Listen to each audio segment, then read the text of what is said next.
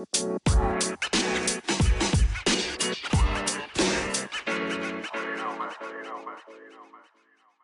lieve mensen, welkom bij de Back to Blue podcast.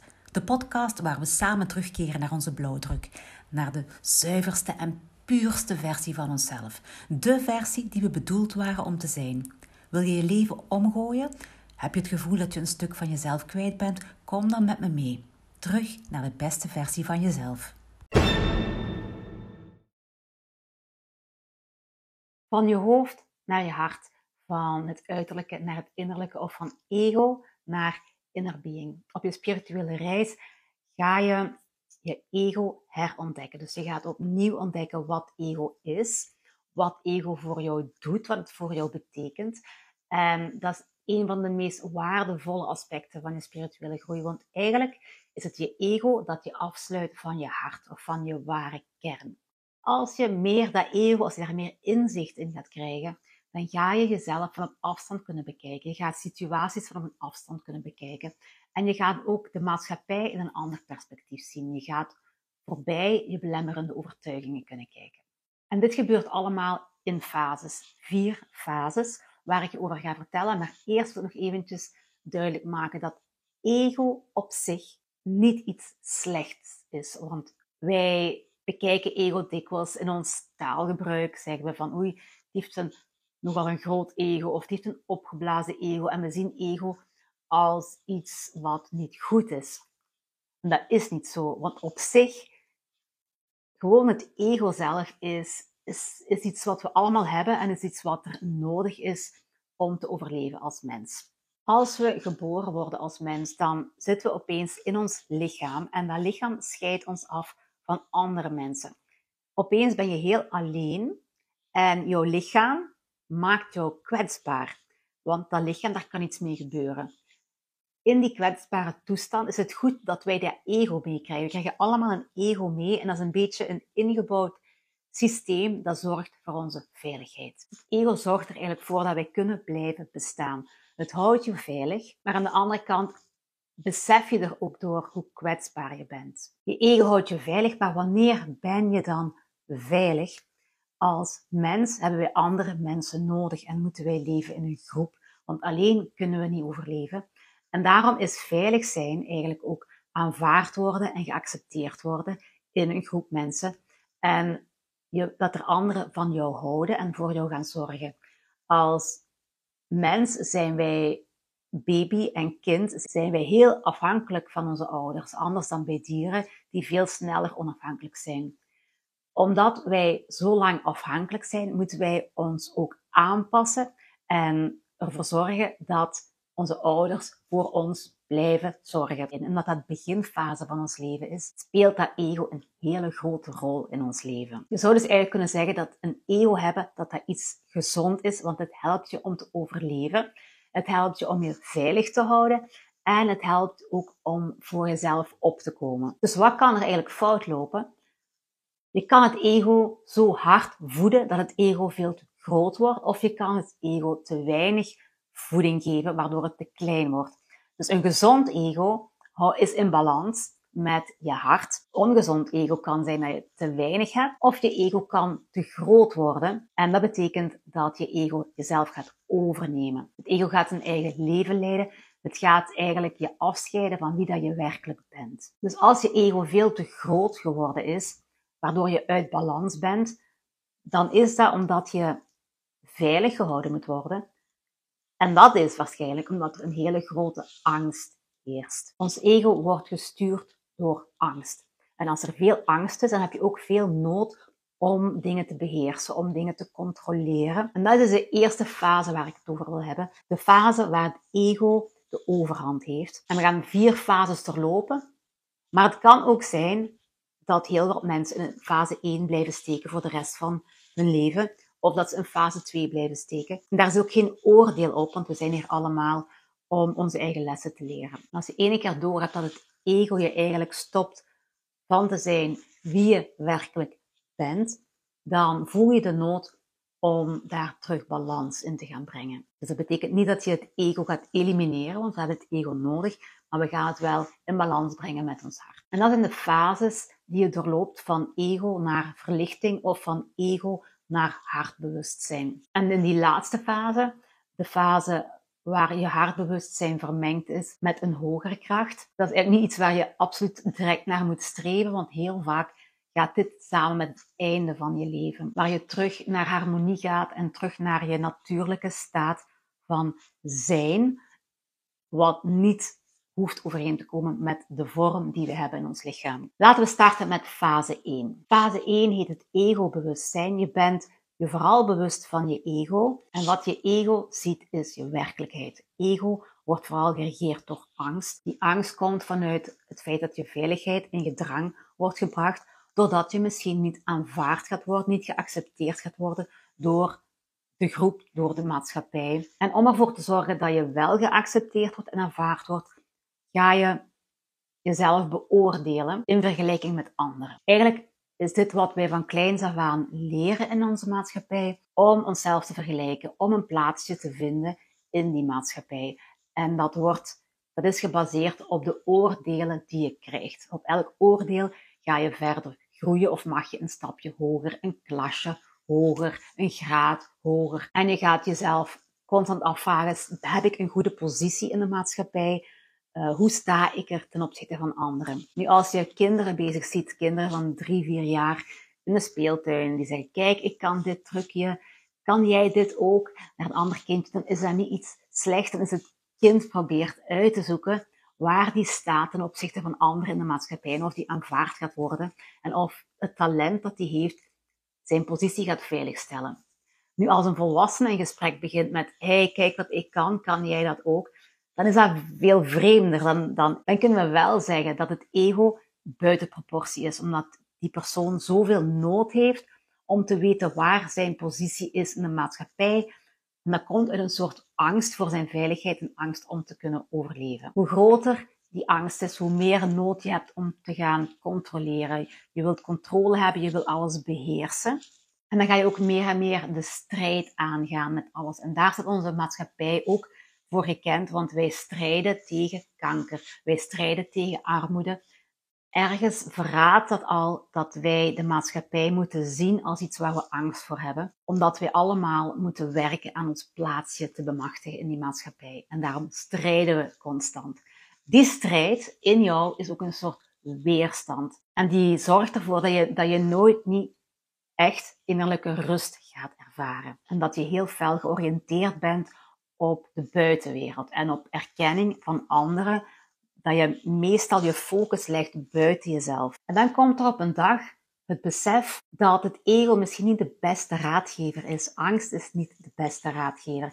En je begint heel veel dingen in vraag te stellen. Dit is een moeilijke periode, want in deze periode ga je heel fel op zoek naar jezelf. Je gaat zoeken naar wat echt is, want je ontdekt dat die angst eigenlijk niet zo nodig is als dat jouw ego je altijd verteld heeft. Je gaat die angst kunnen waarnemen, je gaat die angst kunnen observeren en je gaat jezelf in situaties erkennen van, oh kijk, uh, ik heb zo gereageerd, waarom was dat? Waar zit mijn angst? Wat zorgt ervoor dat ik opvliegend reageer of kwaad reageer of bot reageer. En je gaat ook in jezelf zien dat je heel veel oordeelt, zowel over jezelf als over de andere mensen. Dus je begint dat ego te doorzien. En dat is de tweede fase.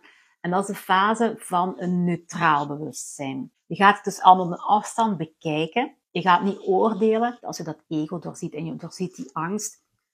En je weet dat je eigenlijk niet meer angstig moet zijn. Dan ga je de angst kunnen loslaten en dan ga je de nood aan controle kunnen loslaten. En dan begeef je je op een heel nieuw terrein waar je wel eventjes aan moet wennen. Want als je begrijpt dat die angst jou aangepraat is en je hebt die angst niet nodig, dan kan je in liefde, meer in liefde gaan leven. En dat betekent dat je open staat om dingen te begrijpen in plaats van te beoordelen. En dan begin je met overtuigingen los te laten, ideeën los te laten, of je verwachtingen van jezelf of van anderen ga je kunnen loslaten. Eigenlijk laat je je panzer van je afvallen, wat je altijd om je heen gebouwd hebt uit angst, om jezelf te beschermen. Dan ga je laagje voor laagje kunnen afwerpen. De tweede fase van het neutrale bewustzijn breng ik ook heel hard in verband met mindfulness. Want ook mindfulness is iets wat je moet, wat is een proces, is iets wat je moet leren, iets wat, waar je in moet oefenen. En als je een mindfulness traject gaat doen, dan ga je eigenlijk doorheen fase 2 gaan en ga je leren om in het hier en nu te leven en niet in, in je gedachten. En je gedachten gaan meestal over het verleden of over de toekomst. Angst voor de toekomst, spijt over het verleden. Mindfulness gaat je heel erg helpen in fase 2. In dus deze neutrale fase om afstand te nemen en alles te bekijken zonder te oordelen, maar om een afstand te creëren tussen een situatie en tussen je reactie op die situatie. En dan wil ik ook eventjes terugkomen op mijn boek De lang verwachte terugkeer, dat ik ook heb geschreven als hulp in persoonlijke ontwikkeling of spiritueel ontwaken. En op pagina 113 is een stukje waar dat ik het heb over het ego en hoe je het ego moet loslaten. Um, laat je ego los. Nee, laat los, zegt hij dan, maar ik begrijp absoluut niet wat ik moet loslaten. Laat je ego los. Stop met oordelen. Oordelen is tijdverspilling. Oordeel niet over anderen en oordeel niet over jezelf. Maar hoe doe je dat dan, vraag ik verbaasd. En dan krijg je hier ook nog een oefening met hoe dat je gaat werken om je ego te kunnen loslaten. Daar staat dan een dankbaarheidsoefening bij, die dan, um, nu als je het verhaal leest, ga je, weet je wie het hoofdpersonage is en dat de gidsen helpen. Maar eigenlijk wordt het personage, wat hier eigenlijk een hiernamaals is, aan de andere kant is, begeleid zoals we het eigenlijk zouden moeten hebben om hier in dit leven op aarde begeleid te worden. En dan gaan we over naar fase 3. En hier wordt het pas echt plezant. Hier wordt het echt leuk. Het gaat hier over het hartsbewustzijn of je bewustzijn van bewustzijn vanuit je hart. Wat ook betekent dat je meer en meer contact hebt met je hogere zelf. Met het deeltje van je ziel wat niet in je lichaam zit hier op aarde, maar waarvan wat van aan de andere kant uh, blijft meekijken en jou helpt. Het echte, echte zuivere jij zit nog daarachter. En jij die hier in je lichaam zit, die is heel veel beïnvloed door alles. Dus die verbinding met je hogere zelf maakt dat je terug meer jezelf gaat worden. En eerst stond je ego heel fel in de weg. Nu in deze fase heb je het ego al heel ver uitgeschakeld. En in deze fases gaat nooit erin slagen om helemaal in die fase te zijn. Je gaat altijd blijven schipperen van je hebt dagen dat je zo bent of dagen dat je zo bent. Um, fase 3 noemen we eigenlijk, kan je vergelijken met in alignment zijn. Want als je in die fase bent, ben je in goed contact met jouw ware kern. Maar dat kan je niet 24 uur per dag. Dat is, dat is iets waar je ook op moet trainen. In fase 3 word je meer en meer jezelf. In fase 2 heb je dat panzer afgegooid. En je kan het ook vergelijken met een vlinder die eerst in een kokon is en die nu in fase 3 de kokon is weg en die kan eindelijk zijn vleugels uitslaan en een echte vlinder worden je innerlijke wereld gaat veel groter worden. En dat het is alsof een liefdesstroom door je hart gaat. De allereerste stap in die derde fase is zelfacceptatie. Want dat is een daad van liefde voor jezelf. Als je van jezelf kan houden en je vindt jezelf waardig genoeg, dan heb je geen angst meer nodig om geaccepteerd te worden. Want dan accepteer je jezelf en dan weet je dat er geen angst nodig is. Want als je jezelf accepteert, waarom zou een ander je dan niet accepteren? Je kan eigenlijk die acceptatie en die erkenning van anderen kan je eigenlijk aan de kant gooien en je kan gewoon een liefde gaan leven. En daarmee bedoel ik dat het gaat over vrede hebben, over eenheid scheppen in plaats van verdeeldheid. Ego uh, werkt op angst en werkt naar verdeeldheid toe. Want het ziet heel erg verschil tussen jij en anderen. In fase 3 gaat, ga je de andere richting op gaan en ga je terug één worden met alles en ga je de verbinding tussen alles terug benadrukken. En dat betekent niet dat je niets meer mag willen of dat je nergens meer voor moet vechten, helemaal niet. Want je gaat eigenlijk in deze fase pas echt beginnen manifesteren. Uh, law of attraction, dat gaat pas als je in deze fase bent, omdat je dan in alignment bent. Je bent één met je ware kern, met je hogere zelf. Dus als je in deze fase iets wil gaan, gaan doen, iets wil bereiken, dan zit de intentie daarachter, uh, het is een hartintentie, een, een hartintentie, hart met een T, een intentie om van dienst te zijn voor, voor, voor het goede, voor iedereen, voor alles, voor de planeet. En je wilde vanuit je hart.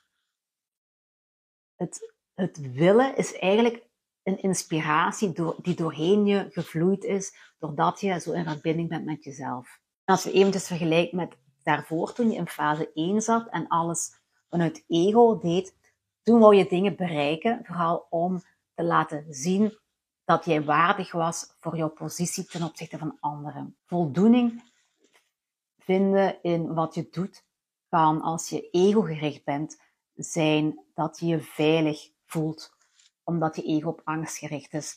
Nu, voldoening in fase 3 is heel anders. Je voelt eigenlijk dat je van waarde bent voor, niet, niet voor je eigen positie, maar dat je echt iets kan helpen. En dat is een hele, hele dunne lijn, um, die moeilijk te erkennen is.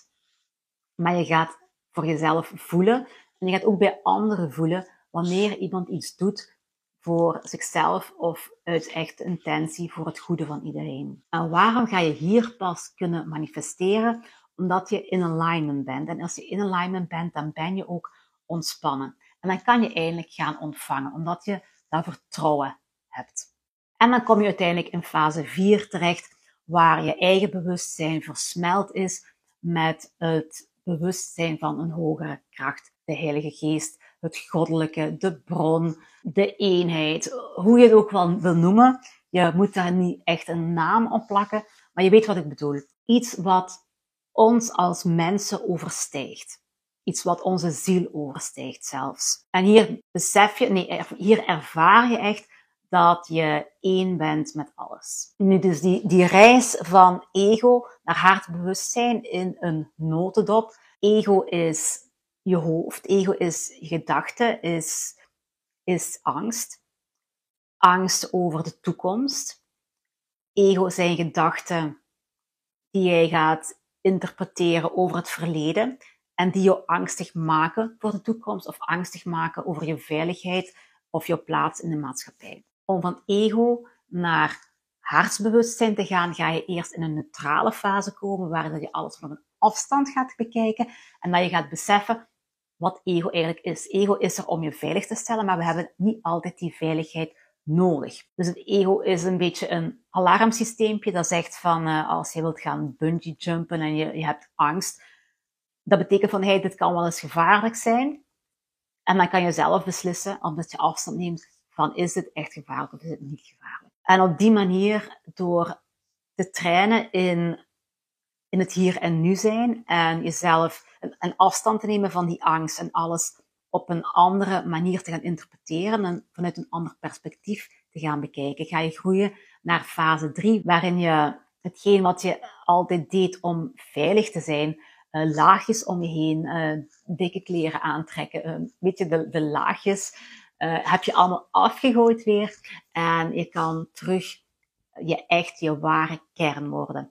En dat is waar persoonlijke ontwikkeling en spiritueel, spirituele groei eigenlijk over gaat. Is terug jezelf vinden, jezelf wie dat je echt was, voordat de maatschappij een indruk op je kon maken en je kon gaan beginnen te duwen in een bepaalde richting. En wanneer je hier je ego hebt afgegooid en de angst kunt vergeten, ga je terug die verbinding vinden met je hogere ik. Gaat, ga je terug je intuïtie kunnen volgen, ga je terug begeleid worden door je ware kern en ga je terug kunnen leven in vrede en rust en ga je pas echt dingen kunnen gaan ervaren waar jij voldoening in vindt. Heb je iets gehad aan dit filmpje? Druk dan zeker op de like en abonneer je op dit kanaal. Dan krijg je ook weer meldingen binnen als er nieuwe filmpjes komen die jou weer helpen op jouw spirituele pad.